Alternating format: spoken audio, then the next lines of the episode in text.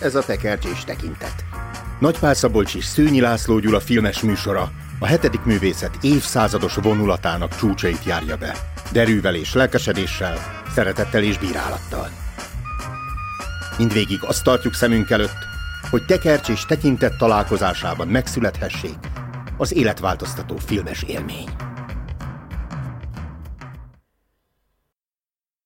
Mindenkit nagy szeretettel köszöntünk.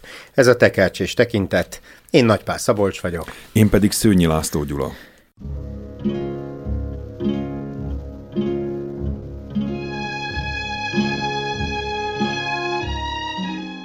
John Ford 1956-ban rendezte az Üldözők című klasszikus western amit sokan, sok lista minden idők legjobb westernjének tart. Egy mondatban én összefoglalnám. Jó. Vesztes háború után a kiszolgált katona hazatér bátyja családjához, hamarosan azonban rokonait megölik, és unokahugát elrabolják a vadak. Ő pedig a végsőkig elmegy, hogy megtalálja. Egy marcon a veterán útra kell, hogy bosszút álljon a komancsokon fivére családjának elpusztításáért, és visszaszerezze elrabolt unokahugát. És ezután az egy mondat után némi személyes vallomással kezdeném, hogy én ezt régen nem láttam, de hogy mindenfajta listán annyira előkelő helyen szerepel, hogy úgy éreztem, hogy, hogy illene megnéznem, és először fölháborodottan zártam le a készüléket, némi csalódásom is volt, de aztán három napig gondolkoztam rajta, mert annyira, annyira sok rágni, emészteni való van ezen a filmen, a karaktereken keresztül, a fontos epizódokon, csúcspontokon és holtesteken keresztül, hogy, hogy állandóan visszatértem hozzá, és három napon belül azt mondtam, hogy nekem ezt újra meg kell néznem. És mondhatom, hogy, hogy, hogy nagyon nem bántam meg, egyik kedvenc filmem még nem esült. Varázslatos ez a főhős. Ha néha becsicskulunk egy párkapcsolatban, és nem vagyunk önmagunk, túlságosan alárendelődünk a helyzetnek és a párunknak, akkor mondhatjuk azt, hogy tenne e helyzetben Charles Bronson, de aki meg, megnézte ezt a filmet, az talán azt fogja ezentúl mondani, hogy John Wayne hogyan kezelni ezt a párkapcsolati krízist. Uh-huh. Erre az egész western korszakra szokási legyintéssel reagálni, egyrészt mert túl amerikai, másrészt meg régi, meg olyan gyerekes, és csak már-már autisztikus emberek foglalkoznak western filmekkel, gondolnánk, és hogyha a western műfajt így kizárjuk az életünkből, akkor John Wayne is kimarad belőle. De hogyha megnézzük, akkor könnyen megtörténik ez az azonosulás. Ha a párunkkal nézzük meg, akkor viszont van egy félelem, hogy párunk beleszeret John Wayne-be. és igen, a vele való összehasonlításban esetleg alul maradunk. Még a... akkor is, hogyha John Wayne 49 éves. De hát ez persze ránk nem áll, csak esetleg másokra. Film nagy közönség siker volt, amikor megjelent, viszont egyetlen egy oszkára sem jelölték. Ez azért döbbenetes. Később kellett befutnia azt a kultuszfilm pályát, amelyet befutott. Van, ahol a ötödik legjobb filmnek, vagy a tizenkettedik legjobb filmnek tartják, a legjobb western, ahogy már említettem, az egyik dal benne belekerült a száz legjobb western dalba, az öt legjobb amerikai film között is számon tartják, John Wayne alakítása is a legjobb százban van, a forgatókönyv is bekerült a legjobb százba, Roger Ebert, a személyes nagy filmkritikus példaképem a nagy filmjei között említi, és külön nem csak John Wayne, hanem akit játszik Ethan Edwards, az is a 23. legjobb filmes karakter például. Uh-huh. Amikor Kuroszaváról beszélgettünk, a hét szamurájról szerintem, akkor nekem Kuroszava életrajzában egy kakuktojás volt, vagy a példaképei között John Ford. Aha. Na most már ez is helyre került. Egyébként Berman és Orson Welles is minden idők legnagyobb filmkészítőjének tartották a rendezőt ha már említed Kuroszavát, akkor én is olvastam a forrásaim között, hogy ehhez a, a pároshoz, John Wayne és John Ford pároshoz a filmtörténetben csak Akira Kurosawa és Toshiro Mifune mérhető, vagy esetleg Martin Scorsese és Robert De Niro. Azt mondanánk, hogy ez a, ez a rendező, ez az alkotópáros, vagy ez a műfaj annyira amerikai, Persze, mi az, hogy amerikai? Beszéltünk már itt Woody Allen filmekről, meg, meg eh, Scorsese filmekről, és ők is amerikaiak, még hogyha mennyiféle kötődést is uh-huh. hoznak magukkal. Még egy térképre is lehetne rajzolni a filmnek az alkotóit, tehát itt távolabb kerülünk a New Yorki keleti partvidéktől, távol kerülünk Hollywoodtól, és Amerika belsejében vagyunk.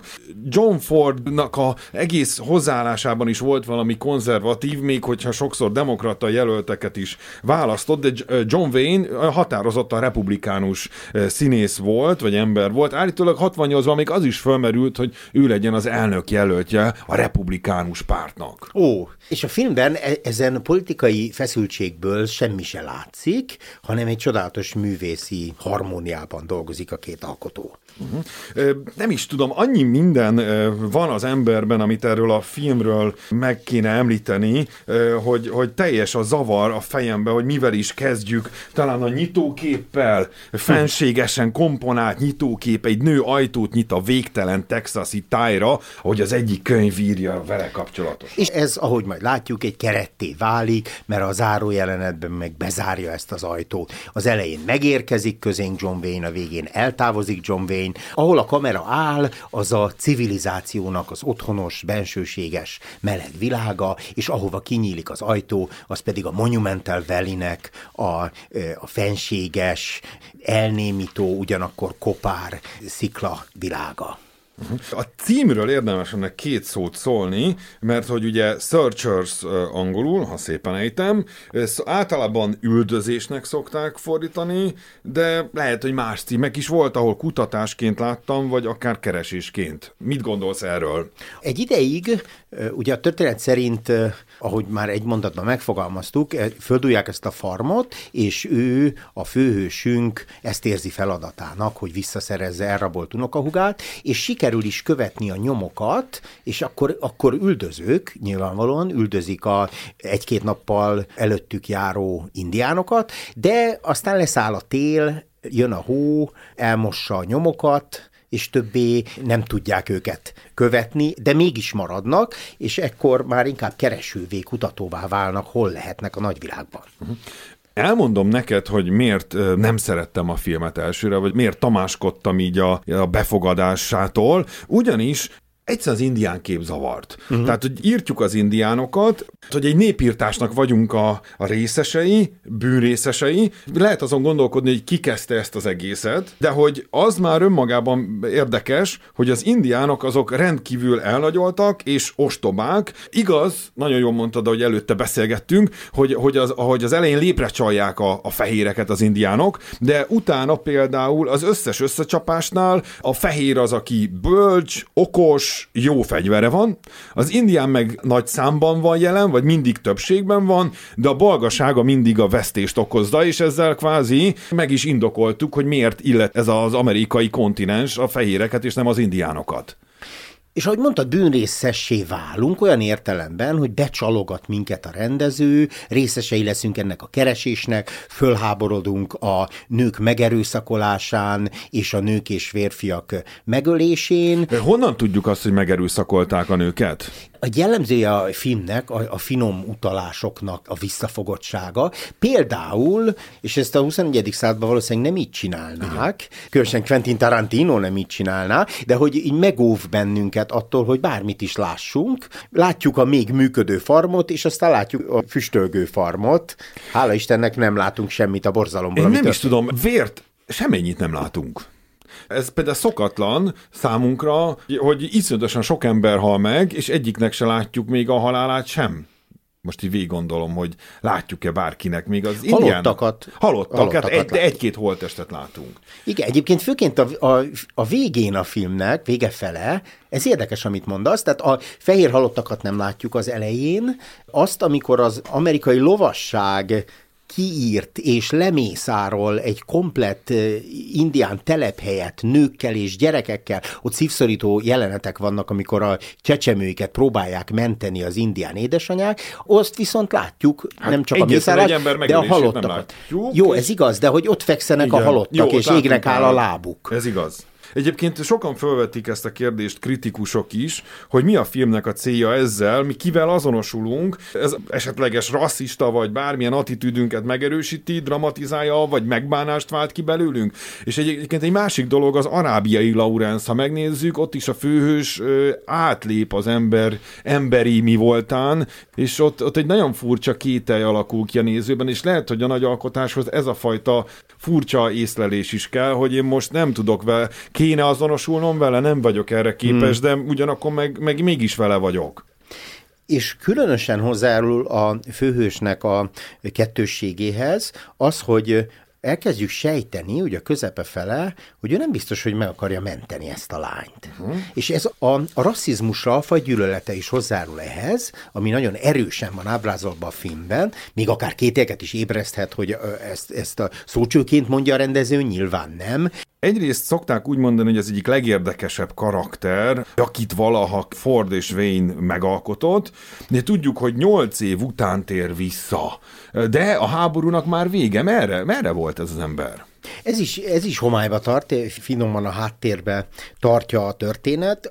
Nála ilyen friss jenki aranyak vannak, Aha. ami ez valószínűleg nem törvényes úton jutott, és hát mondják is rá, hogy ő sokféle ilyen leírás ráillik, tudnélik olyan emberek leírása, akiket keresnek valami miatt. Tehát valószínűleg zsoldosnak állt a mexikói forradalomba, ami ekkoriban zajlik, és akkor magyar vonatkozás a trónon ekkor Habsburg Miksa ül. És a filmben mutogatják is, legalábbis azt mondják, hogy az a mexikói díszkitüntetés, amit ő kapott Habsburg Miksától. Uh-huh. Na most nyolc év után ért vissza, és nagyon érdekes, és ezt többen is észreveszik, talán mindannyian, hogy azért nagyon-nagyon furcsa összenézése van a sógornőjével. Én először azt hittem egyébként, hogy az a huga, és akkor ez teljesen rendben volna, és de nem. A bátyjának vagy öccsének a felesége, és itt valami közöttük van, és az egész film alaphangulatát egy ilyen balladai homály átszövi, vagy körüllengi. Elsőre nem is vettem én észre, megvallom neked őszintén, és állítólag a korabeli nézők se vették észre ezt a szerelmi szállat, mert hogy a párbeszédben semmi sem utal rá, megnéztem másodszor, és valóban ez a két csodálatos színész, ez kerülgeti egymást, és figyeli egymást a tekintetével, ahogyan a sogorának a kabátját kézbe veszi ez a Márta, és tisztogatja, Egyébként és simogatja. Abból látszik az, Meg ahogy hogy... az ablakból utána néz. Igen hogy valami van köztük, vagy volt köztük, ugye utaltál a nyolc évre, tehát a kis Debi És így van, ez nagyon fontos, mert hogy az egész történetben aztán ugye Debit keressük, és őről a külön lehetne még majd beszélni, hogy ki lesz ebből a Debiből, egy nagyon híres színésznő, a tragikus módon halt meg ez a Natalie Wood, 1981-ben rejtélyesen ilyen hajós kiránduláson eltűnt, és valószínűleg a férje ölte meg, de ezt nem tudják mai napig pontosan, de mennünket nem is ez a, ez a Debbie érdekel, hanem hogy ő hogyan kapcsolódik Ethanhez, vagy John Waynehez. Na szóval itt van ez a főhősünk, ez a konfederációs és mexikói veterán, és aztán az a kérdés, hogy mi az, ami őt hajtja. Az egyik könyv azt említi, hogy ethan nem más hajtja arra, hogy végezzen a Komancs főnökkel és az ágyásába vált Debivel, mint kényszerű leszámolás saját sötét oldalával. Én uh-huh. ezt mhm. nem értem teljesen. Talán arra utalnak, én is olvastam valami hasonlót, hogy ha ő az édesapja Debinek, akkor ők házasságtörést követtek el a sogornőjével, és ebből fogant Debi, most ezt vagy tudja Áron, vagy nem tudja a testvére, és mintha ezzel a múlttal is akarna leszámolni, mert hiszen ő is hát nemileg érintkezett a Mártával, úgy, mint a vadak, és ő is ennek a családnak a szétrobbantására hmm. tört, hmm. úgy, mint a vadak. Ez hát kicsit ez ugye lélekelemző megközelítés, de mintha lenne egy ilyen párhuzam a filmben. Hmm. A másik érdekesség, hogy a, akivel ő az útját, üldözést vagy kutatást végig folytatja, az Martin, ez a 30 éves Jeffrey Hunter által játszott színész, és ő neki a gyermekkori sorsa pedig teljesen előrajzolja a következő sorsokat, hiszen az ő szüleit is megölték az indiánok, és őt egyébként ez az Ethan mentette meg az indiánoktól, vagy a romok közül, ergo bizonyos értemben Ethan az ő apja is. És akkor, ha végig gondoljuk, uh-huh. akkor Easton ez az igazi alfahím mindenkinek az apja, és ez lehet, hogy joga is van. Még egy dolog előábrázolja, egy kis sírhoz menekül a pici Debbie, mielőtt megtalálnák uh-huh. az indiánok, és a sírnak van egy fölirata, a sír föliraton pedig az szerepel, hogy a, az Éronnak, meg az Ethannek az édesanyját 16 évvel ezelőtt komancsok mészárolták le, hmm. 41 éves korában. Hmm. Ugyanakkor, a, ha már szóba hoztam a Martint, azért lenne egy kérdésem vele kapcsolatosan.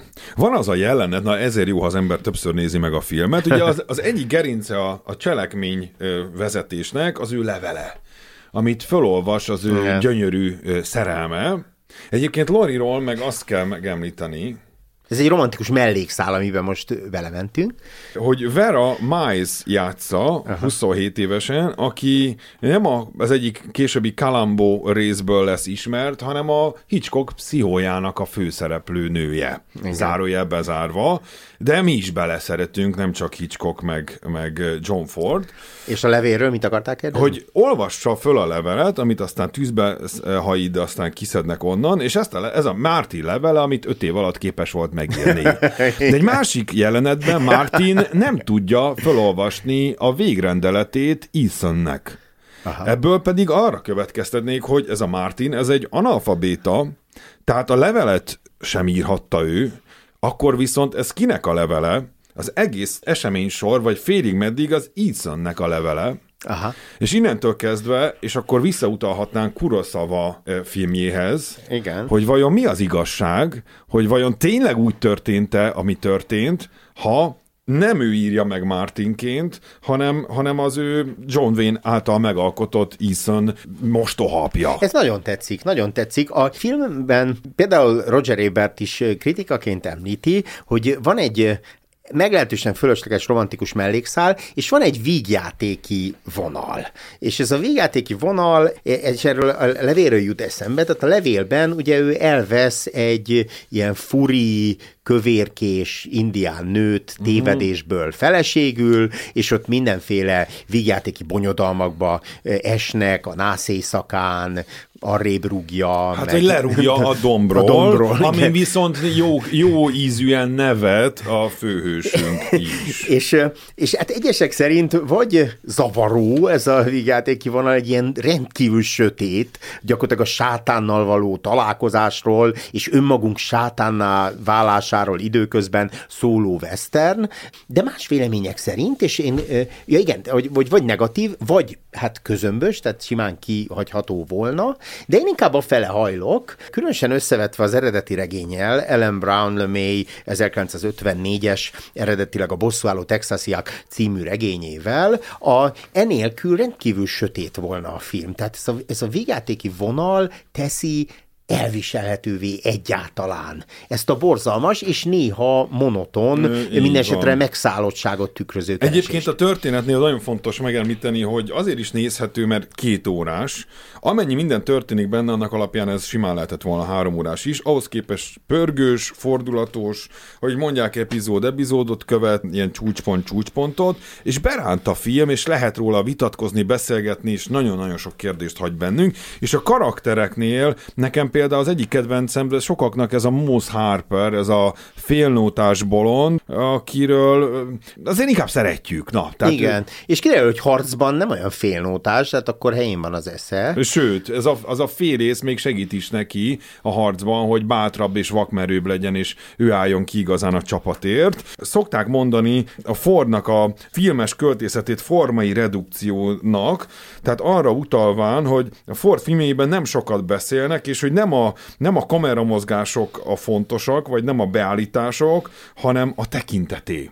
És erre már utaltunk, ahogy, a, ahogy összenéznek például. Tekercs és tekintet. Így van. Másrészt, amikor én a filmet megnéztem, akkor nekem az mind a hibáival és erényeivel együtt, akkor az epos műfaja jutott eszembe. Igen, különösen a... Homérosz Odüsszejája. Igen. És hogy mennyi mindenbe belegondolok az eposzra, csak az eposzi kellékekre, rendkívüli hős, a téma, mert hogy azért ez egy, ez egy nagyon fontos téma az akkori Texasban.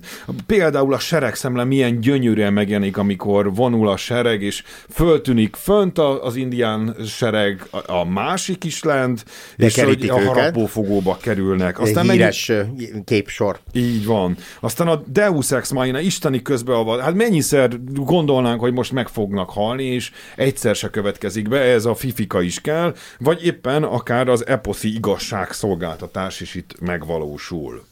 A világ, amivel vagyunk, az a vadak és a civilizáltak határmesdjéje, határvidéke. Azért használom a vadak szót, mert már, már belementünk kicsit a rasszizmusba, el lehetne keseregni azon, és sokan el is keseregnek, hogy jaj, de rasszista film, és hogy ábrázolja az indiánokat, de már láttuk, hogy egy, egy erős kettősség, ambivalencia van a, a, a filmben. Bocsánat, hogy közbeszólok, de beszéltünk erről, hogy mi lett volna, hogyha ezek az indiánok nácik lennének? És azért van egy-két nagy filmes klasszikus, ahol a nácik semmivel sem magasabb rendűek, mint itt az indiánok. Hmm. Mondjuk a Beslen Brigantikra gondolok. Ja, vagy hát a szovjet háborús filmeket is újra lehet nézni abból a szempontból, hogy a Szovjetunió is egy nagyon hasonló totalitárius diktatúra, hasonló elnyomással az... és háborús bűnökkel. Vagy amikor az ősember felrajzolta a legyőzendő eh, mamutot a, a barlang falára, akkor nem feltétlen eh, rajzolta le minden inát és, és erezetét annak a mamutnak. Az ellenséget lehet leegyszerűsíteni. Igen, és ezért használtam a vadak szót, mert hát itt egy alapállásról van szó, terjed a civilizáció, vagyis farmok létesülnek, meg teheneket legeltetnek, és hát ilyen bensőséges otthonokat teremtenek ezen a kopárvidéken. Ugyanakkor Ami azért a... lehetetlen. Ne, igen. Ugyanakkor van a vadaknak a világa, sőt, egy kicsit betekintést kapunk annak a meghítségébe is érdekes módon. Egyszer bebújunk egy sátorba, igaz, hogy ott rablott feleségekkel van tele, minden esetre a vadak védik a saját civilizációjukat, és ez az ember, aki e, éveken át képes egyedül vagy kettesben lovagolni és a szabadban aludni, ebből nagyon kevés civilizáció jelenik meg. Ő azokkal az erényeivel érvényesül, amelyek a vadaknak az erényei. Jéghátán is megél szó szerint, hiszen leesik a hó. Hmm ő is egy vadember, vagy ilyen értelemben is a határvidéken áll, képviseli a civilizációt, de a vadak módszereivel képviseli, és bizonyos értelemben maga is vaddá válik. Ahogyan megy hősünk az unokahuga után, egyszer csak vagy hát lassanként egyre világosabb lesz számunkra, hogy ő nem feltétlenül megmenteni akarja, hanem ő megsemmisíteni akarja. Tehát a bosszúnak a unokahúg is alanyává válik. Egyébként ismerünk valós történeteket, ahogy utaltál rá, ahol indiánok elraboltak egy nőt, 24 év múlva az akarata ellenére szabadították ki, úgy, hogy a főnöknek gyerekeket szült, hmm. és a gyereke nagy indián főnök lett, és őt pedig nem engedték vissza soha többé a családjá, tehát az indián családjához és a gyerekeihez. Itt egy hasonló félelme van a főhősnek, ami a megerőszakolással függ össze, és akkor ez egy jó feminista téma lehetne így. Valahogy úgy látja az ő rasszizmusában, hogy azáltal, hogy hát a, a vadakkal, vagy a gonoszokkal, vagy az idegennel hált, nem önszántával természetesen, ez a lány, azáltal valahogy az ő részük lett, és ő is ugyanúgy megsemmisítendő. Bocsánat, de 1944-45-ben Franciaországban azokat a nőket, akik német katonákkal háltak, azokat, azokat minimum kopaszra nyírták. A legdurvább módon alázták meg őket. De ők önszántukból, ha jól... Persze hát nyilván félig persze önszánt egy ilyen külön gondolkodni, de még az egyik nagy híres, a Maléna című filmben is emlékeim uh-huh. szerint ez van, hogy ez a büntetés azért, mert német katonával lesz együtt, vagy akár több többel. Igen. Tehát, hogy, hogy, hogy azért ez, ez, ez a fajta szenvedély, ez ott van a férfi emberben, és ez nagyon messzire elvezethet bennünket. Minden idegenre való tekintéssel, Egyébként részben jogosnak is bizonyul a félelme, mert hogy amikor találkoznak végre és megtalálják uh-huh. a lányt, a lány azt mondja, hogy ez az ő családja, ez az ő otthona, ugye ő mondjuk 7-8 évesen kerül el, tehát akkor 12-13 éves most, fogadják, hogy emlékszik-e a régi családjára, persze mindenre emlékszik, de most már hát ő is elbizonytalanodott, hogy hová tartozik, meg ő se biztos abban, hogy van-e visszaút. Ez egy skandináv fővárosról nevezett szindróma, nem? Igen, ezt jól mondod. Na de mégsem öli meg a lányt, illetve hát ez Akkor a még film... nem tudja megölni, és utána tényleg szokták mondani, hogy az egyik legszebb jelenete filmezésnek az, amikor nem megöli, hanem megöleli, vagy fölemeli. Jean-Luc Godard, balos érzelmű ö, filmrendező mondta, hogy semmiben nem ért egyet a politikai nézeteivel ennek a John Wayne-nek, de ahogyan fölemeli Debit a film végén, és azt mondja, ez is egy, ez egy híres filmes idézet, menjünk haza Debbie, minden megbocsát neki. Hm. Még annyi mindenről lehetne beszélni, például, hogy a férfiak között miféle, hát nem akarok csúnya szót mondani, a, a, a, a folytonos rivalizálás, és hogy ennek miért kell lennie, és hogy... De egyáltalán miről hogy... beszélgetnek öt évig? De már eleve, amikor még öten vannak, és ez a ki a jobb, és ki az Igen. erősebb, és ki irányít, ki a főnök. és aztán nem tudják ezt megoldani, hanem széjjel kell szakadni a csapatnak, és aztán utána ott van bennem továbbra is a kérdés, e fajta megszállottságra vonatkozóan, mert hogy azért ennek ára van. Itt van a főhős eleve, akinek nincs családja, de ott van a másik főhősünk, akinek van egy szerelme, aki várja, és öt év alatt egy levelet tud neki megírni, de hogyha tíz levelet írt volna, akkor is ugyanott tartunk, hogy ő, ő csak hajszolja, keresi, kutatja, üldözi a, a nyomot vagy az ellenséget. Irodalmi hatások tapintatok ki a filmben, el is hangzik, hogy na hazatért a tékozló fiú, ugye egy testvérpárral van szó, és az egyik ők katonai szolgálatot vállal, és veszt a háborúban, aztán zsoldosnak áll, meg esetleg rablónak, a másik meg otthon marad, a családra figyel, Odüsszeját is már emlegettük, talán Mobidik hozható még be, Ahab kapitányként üldözi a maga válnáját, ez a mi megrögzött főhősünk. És hatással volt más művekre, ugye a Csillagok háborújában is van egy hasonló ilyen családkiírtásos jelenet, de a Star Trekbe is belekerült. Az már csak viccesen mondom, hogy két újrafeldolgozása is beharangozódott, és az egyiket Terry Gilliam rendezte rendezte volna, hmm. ahol sci-fi körülmények között zajlottak volna, illetve a másik az pedig egy zombis újraföldolgozás lett volna. Hála jó Istennek, ezek nem készültek el. Uh-huh. Nekem fontos kérdésem még mindig, hogy mi üldözők, kereső kutatók vagyunk, vagy indiánok, és hogy bennünket vár-e valaki, és hogy mi észrevesszük-e azt, hogy bennünket várnak-e. John Fordnak az Üldözők című 1956-os filmjéről beszélgettünk. Ez egy igen nagy hatású film. Van, aki azt mondja, hogy a modern amerikai filmművészet ennek a filmnek a köpönyegéből bújt elő. Ugye itt a Gogolyra utalás, minden orosz regény Gogoly köpenyéből bújt elő. És van, aki azt írta, hogy akárhányszor nézem meg, sosem vagyok benne biztos, hogy hogyan fog véget érni. Ez volt a tekercsés tekintet, én Nagypár Szabolcs vagyok. Én pedig Szőnyi László Gyula.